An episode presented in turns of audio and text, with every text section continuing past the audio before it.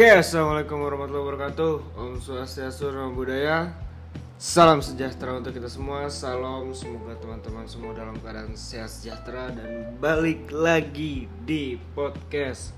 Coba mikir.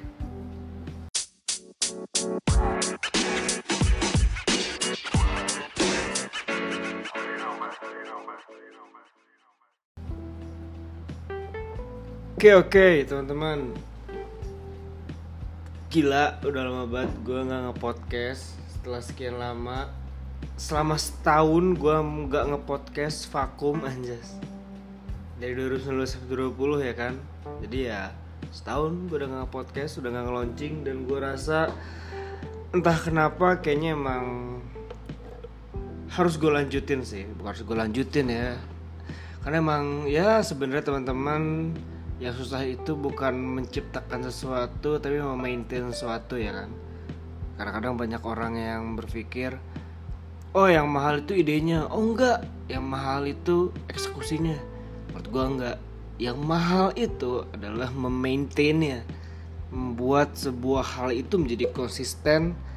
Itulah yang menurut gua cukup PR gitu. Nah jadi Baik lagi teman-teman di podcast gue Thank you buat teman-teman yang masih mau dengerin bacotan gue Yang baru denger selamat datang di podcast gue Dan yang udah denger sebelum-sebelumnya Selamat datang kembali. Perkenalkan masih bersama gue Rian di podcast Coba Mikir.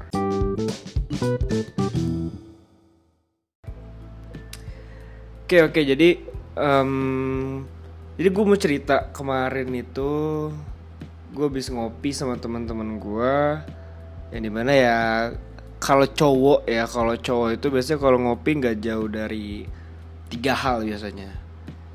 Dari ngomongin ya kehidupan kita lah ya gitu. Lagi ngapain dan sebagainya bisnis kerjaan dan sebagainya. Yang kedua itu ngomongin bola biasanya atau olahraga. Yang ketiga itu yang ngomongin cewek biasanya bisa tiga jauh dari tiga poin itulah kalau cowok. Dan kemarin tuh gue nemuin bahasa menarik di mana teman gue itu curhat kemarin. Gue rasa nggak perlu gue sebutin namanya lah ya sebut aja doble. Jadi ya teman gue si doble ini kemarin tuh waktu gue lagi ngopi di di Bandung lah ya. Lupa ke mana tuh ngopi di mana ya.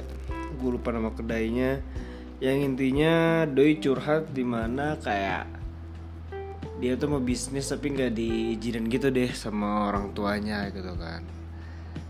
Yang menurut gue ya sebenarnya nggak cuma si doble doang yang merasakan hal tersebut gitu. Di mana karena cukup banyak orang-orang yang merasakan seperti itu gitu. Doble cerita bahwasannya tuh kayak gini jadi dia bilang kayak aduh Yan gimana ya? Lu kan udah bisnis nih. Lu udah ya udah cukup lama lah berbisnis. Nah gue mau mulai juga nih bisnis tapi menurut lu gimana ya? Gue nggak diizinin sama orang tua gue dan keluarga gue untuk bisnis. Karena katanya waktu liburan kemarin ya sempat sempat kumpul keluarga dan dikala itu ya udah cerita gitulah ya katanya. Dan dia mau bisnis dan responnya tidak baik dari keluarga mereka.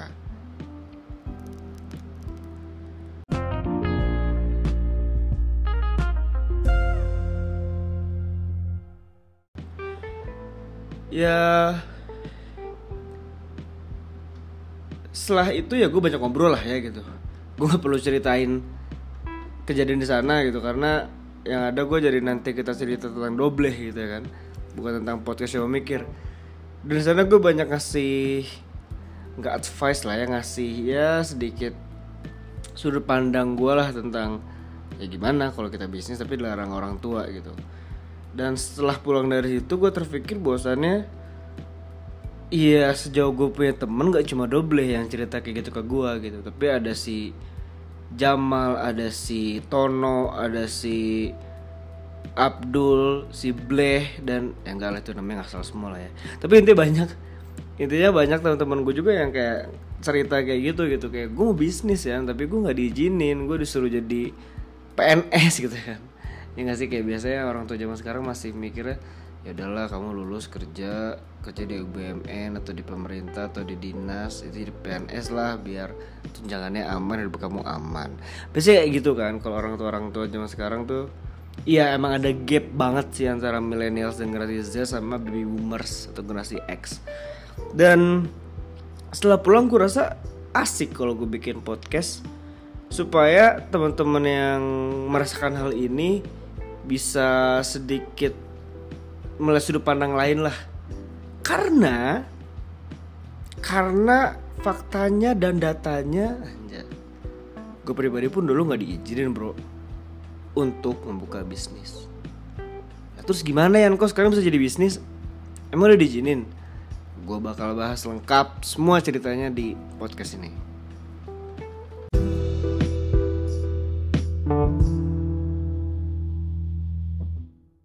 Dulu gue sama kayak teman-teman semua dan ini pula lah ya kenapa gue mau jadiin ya obrolan gue sama si Dobel aja di podcast. Karena ya mungkin gue juga curhat gitu.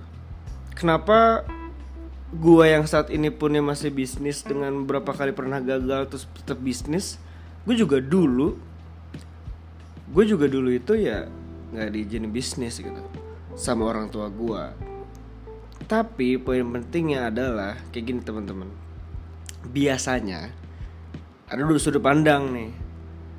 Ya entah dilarang keluarga atau orang tua lah ya. Ada yang tidak direkomendasikan untuk bisnis ada yang ya bener-bener strict gak boleh bisnis gitu.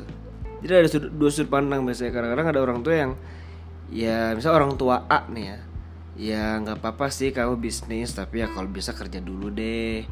Atau kayak ya kalau bisa kamu sambilan deh jangan bis doang. Atau enggak kamu coba dulu kalau kamu gak kuat ya udah kamu kamu kerja aja gitu. Ada yang kayak cuma tidak merekomendasikan. Tapi ada juga yang bener-bener kayak hah misal orang tua B ya? Ulang ulang ulang ulang. Orang tua B. Hah? Bisnis? Enggak enggak enggak enggak enggak boleh bisnis. Kamu jadi PNS aja kayak bapak kayak ibu. Nah ada yang gitu juga yang bener-bener sampai kayak bisnis tuh diomelin. Kamu ini nih kamu barang-barang dagangan dropship dropship reseller. Nggak boleh nggak boleh. Stop bisnisnya gitu. Kamu ini ada-ada aja bisnis bla bla bla bla bla nah gitu. Tapi tapi intinya kadang-kadang biasanya pun sudut pandang orang tua ya gitu. Gue nggak menyalahkan orang tua ya loh artinya kayak terkadang banyak orang tua tidak mengizinkan anaknya untuk berbisnis adalah karena bisnis itu fluktuatif bray. Bisnis itu kayak ya nggak stagnan lu nggak pasti. Lu nggak tahu kapan lu bangkrut lu nggak tahu kapan lu kolaps lu nggak tahu kapan lu tiba-tiba gagal atau apa pun itulah gitu. Karena dan gaji lu pun ya ya mungkin lu menggaji diri lu sendiri di bisnis lu tapi omset lu kan nggak nggak setrik kayak ya kayak jadi PNS lu ya tunjangan gaji dan sebagainya udah fix gitu. Tapi memang banyak ketidakpastian di bisnis sehingga sejauh gue lihat cerita-cerita teman gue gue denger ya menurut gue ya alasannya sebenarnya make sense orang tua mau anaknya aman kan hidupnya sehingga tidak mereka mereka untuk bisnis. Biasanya pun rata-rata ini dilakukan oleh orang tua orang tua yang backgroundnya bukan bisnis. Ya nggak sih? Biasanya ya. Kayak orang tuanya mungkin kerja atau orang tuanya PNS atau orang tuanya jadi ya anything else job yang nggak belum bisnis lah. Pasti udah merekomendasikan anaknya untuk bisnis. Tapi faktanya teman-teman gue pun nggak direkomendasikan untuk bisnis. Gue nggak dilarang tapi tidak direkomendasikan tapi lucunya adalah gue orang Padang. Dan anjing kok kayak kayak sombong gitu ya. Nggak usah kayak gue orang Padang kakek gue tuh bisnis nyokap gue pun suka dagang. Pernah buka fotokopian pernah punya toko mainan pernah punya toko bakso juga. Sekarang lagi buka warung lagi baru gitu. Tapi gue pribadi nggak ada rencana juga buat bisnis. Dengan alasan yang hampir sama di mana nyokap gue merasakan bosannya ya, jadi kayak kakek gue tuh dari nyokap gue gitu loh. Jadi kayak garis keturunan gue dagang tuh dari uh, nyokap gitu kan. Nyokap suka dagang kakek gue juga bisnis. Karena nyokap gue merasakan ketidakpastian gitu. Kalau lagi tajir mampus tajir mampus kalau lagi turun ya turun parah. Nah terus gimana ya gitu?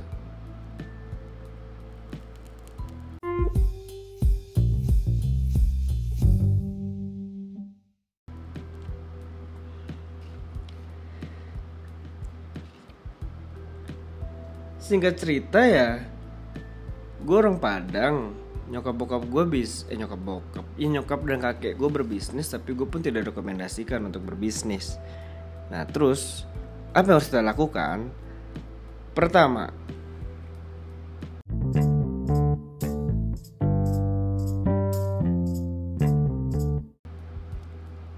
jangan melawan orang tua. Maksud gue adalah gue nggak mau podcast ini kalian jadikan sebuah excuses kalian jadikan sebuah alasan kalian jadikan sebuah acuan untuk kalian melawan orang tua kalian karena gue pribadi memang tidak direkomendasikan untuk bisnis tapi gue tidak pernah berkata tidak atau nggak mau atau menolak atau meng, apa ya bahasa itu mengabaikan apa perkataan orang tua gue gitu. Nah, gini, ketika lo dilarang ataupun lo di tidak direkomendasikan untuk berbisnis jangan ngelawan gitu. Karena ya itu orang tua lu bos gitu. Maksudnya jangan jangan lu melawan memberontak untuk tetap berbisnis. Just listen to them lah gitu. Kayak oke okay, ya udah nggak apa-apa. Siap bu. Siapa gitu. Dalam artian ya ya lu tetap berbisnis tapi masa gini kayak hmm, ada cara mainnya gitu. Jadi yang pertama intinya jangan lawan jangan lawan orang tua. Jangan pernah membangkang dan apa pun yang diomongkan oleh beliau termasuk ketika lu dilarang gitu. terus cara gimana? Yang kedua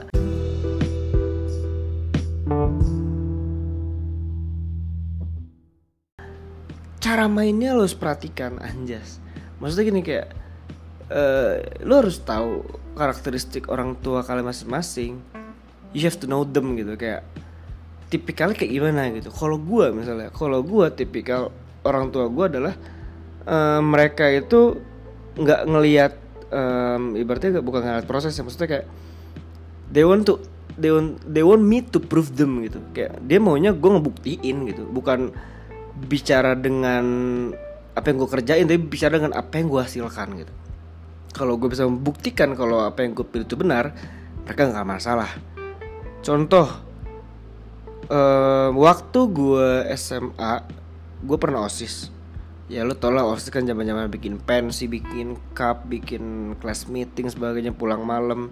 Nah kok gue ngomel dan di tahun kedua itu tahun ya kelas 8, 7 eh kelas 9 10 10 11 12 kelas 11 gue dilarang untuk osis waktu itu kayak udahlah kamu osis nih ngapain sih pulang malam ya kan kayak zaman SMA kan pulang jam 4 jam 3 ya. Tapi kayak gue pulang jam 7 jam 8 gitu. Belum kalau ada ekskul belum biasa kalau bisa rapat osis nongkrong dulu. Sehingga dia bilang sama nyokap gue tapi ketika tahun ketiga gue dicalonkan untuk uh, jadi ketua MPK anjas cowok sombong banget sih dicalonkan. Tapi bener lah gitu. Ibaratnya ya ya sombong dikit lah. Waktu gue dicalonin jadi ketua MPK sama ketua MPK gue yang sebelumnya ya loncat dikit sih dari OSIS ke MPK gitu. Tapi MPK ini beda-beda sih namanya. Kalau di SMA tuh ada yang DPK, ada yang MPM. Pokoknya kayak intinya yang mengawasi lah. Kalau di kampus ada BEM dan DPM ya kalau di SMA kan ada MPK dan OSIS gitu. OSIS eksekusi, MPK mengawasi. Gue udah naikin untuk jadi ketua MPK.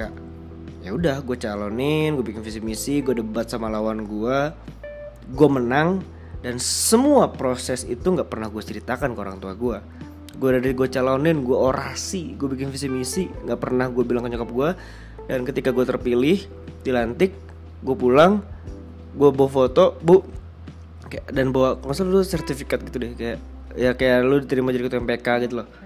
Dan di situ gue bilang bu aku jadi ketua MPK alhamdulillah bla bla bla bla bla bla bla bla. Oh ya udah bagus kamu hebat. Ya pasti kayak setelah gue ngomong itu responnya bagus lah ya dan kalian harus tahu apa respon selanjutnya.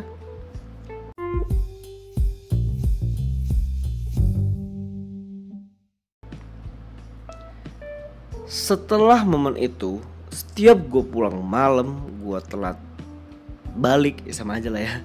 Maksudnya kayak gue sibuk di MPK, nyokap gue sama sekali nggak pernah ngomelin gue. Dan situ gue tahu, oh nyokap gue udah tahu hasil yang gue capai selama ini beliau tahu kalau gue pulang malam dan sebagainya ada hasil lah. Gue jadi ketua MPK she's proud of me gitu. Dan dia bangga dan dia nggak mungkin melarang gue karena dia pun bangga. Oh anak gue ketua MPK loh gitu. Yang bisa beliau ceritakan ke teman-temannya mungkin gitu kan.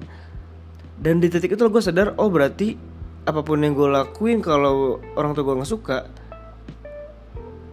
I should prove them wrong gitu. Gue harus bisa membuat mereka uh, ya membuktikan kalau itu salah gitu.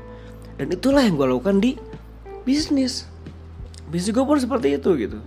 Gue zaman SMA udah bisnis bisnis sedikit tapi itu nggak dilarang ya karena ya gue cuma kayak nyoba-nyoba doang gitu. Nyokap gue pun tahu gue nggak intensif bisnis di SMA ketika kuliah gue mulai intensif gue bikin food and beverage gue bikin itu tuh bikin keripik gue tuh ya. Gagal gue bikin apalagi gagal terus ya kayak coba lagi coba lagi coba lagi sehingga waktu itu pun ketika kelihatan ya ketika kelihatan kayak gue udah mulai sibuk produk gue udah ada udah kirim sana sini nyokap gue mulai notice kayak um, ibaratnya ya kalau gue kan kayak gue bilang gue tidak direkomendasikan kayak bilang kayak oh ya udah bagus bisnis kamu gimana? Masih jalan masih. Oh ya udah kuliah yang benar. Intinya nggak pernah ada ungkapan bosannya bagus lanjutin aja bisnisnya intinya kayak masih kuliah nomor satu gitu. Ya nggak salah sih. Tapi selalu omongan-omongan ketika berhubungan dengan bisnis nyokap gue dan bokap gue selalu kayak ya udahlah yang penting kamu kuliah yang benar cepat lulus dapat kerja DP rumah DP mobil nikah aman gitu. Warranty adalah tetap gue lulus cepet gue cepet dapat kerja kayak gitu. Nggak pernah kayak ya udah gue lulus cepet supaya kamu bisa fokus ngebangun bisnis kamu nggak ada satupun kalimat seperti itu gitu.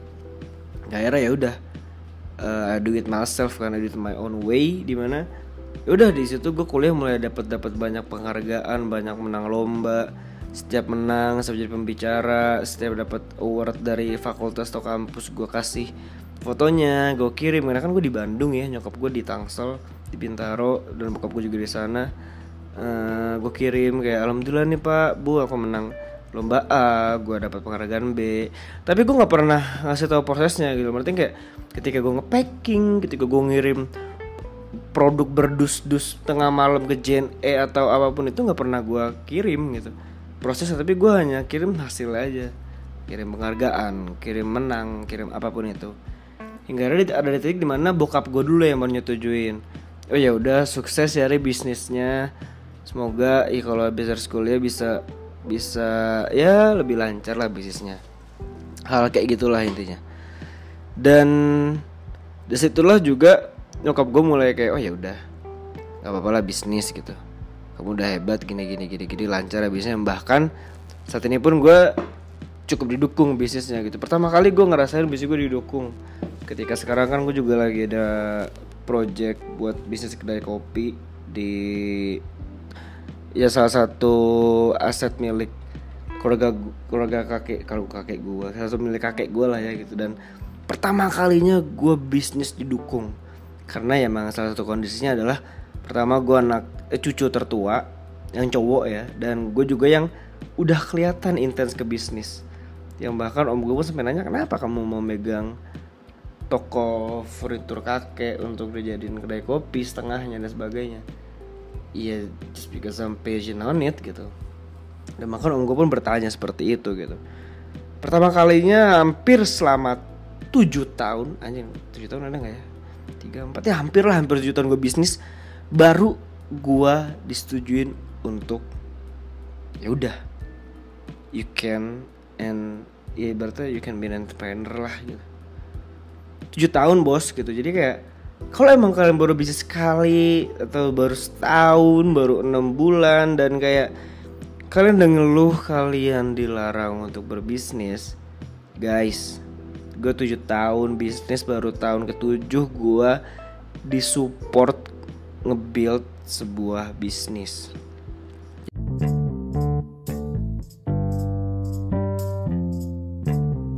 Jadi menurut gue adalah ya udah kalau emang lu passion di situ nggak usah baik bacot gitu. Lu ya udah just do it aja.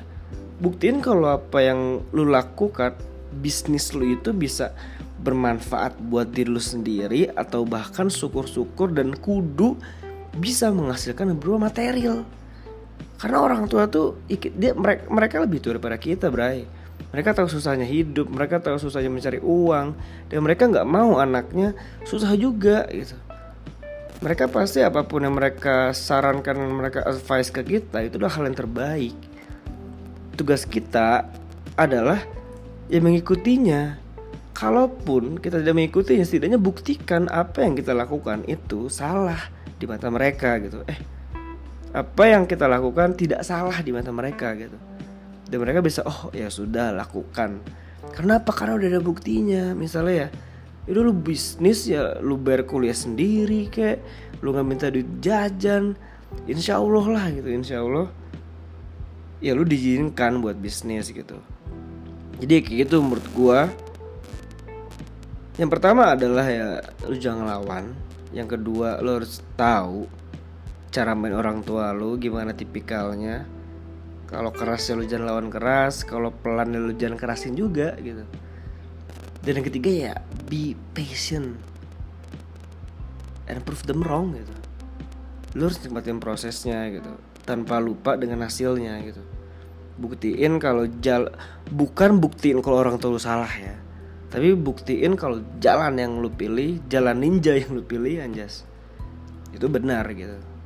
Jadi kayak gitu teman-teman. Mungkin yang bisa gue ceritakan lah seputar pengalaman gue 7 tahun hampir ya. Kayak tahun ke-6 deh tahun ke-6 atau tahun ke-7 ya. Ya segitu deh gue dari SMA kelas 1 terus ketiga gue tahun ke-4 kuliah sekarang. 7 tahun lah berbisnis. Ya semua butuh proses dan semua juga perlu hasil. Jadi gue telak buat kalian semua mungkin denger podcast ini karena kalian gak disetujui orang tua kalian Gue percaya jika kalian bisa membuktikan apa yang kalian lakukan di bisnis tersebut adalah benar, baik, dan bermanfaat Insya Allah kalian bakal diizinkan untuk bisnis. Good luck. Gue doakan buat semua kalian dengar podcast ini. Entah untuk apa pun, entah buat bis kalian Entah atau buat teman kalian yang juga sering merasakan ini Dan kalian mau memberikan sedikit ya advice dari podcast ini ke teman kalian Go on Gue doakan kalian sukses di 2020 Sekian dari gue Kita coba mikir lagi lain kali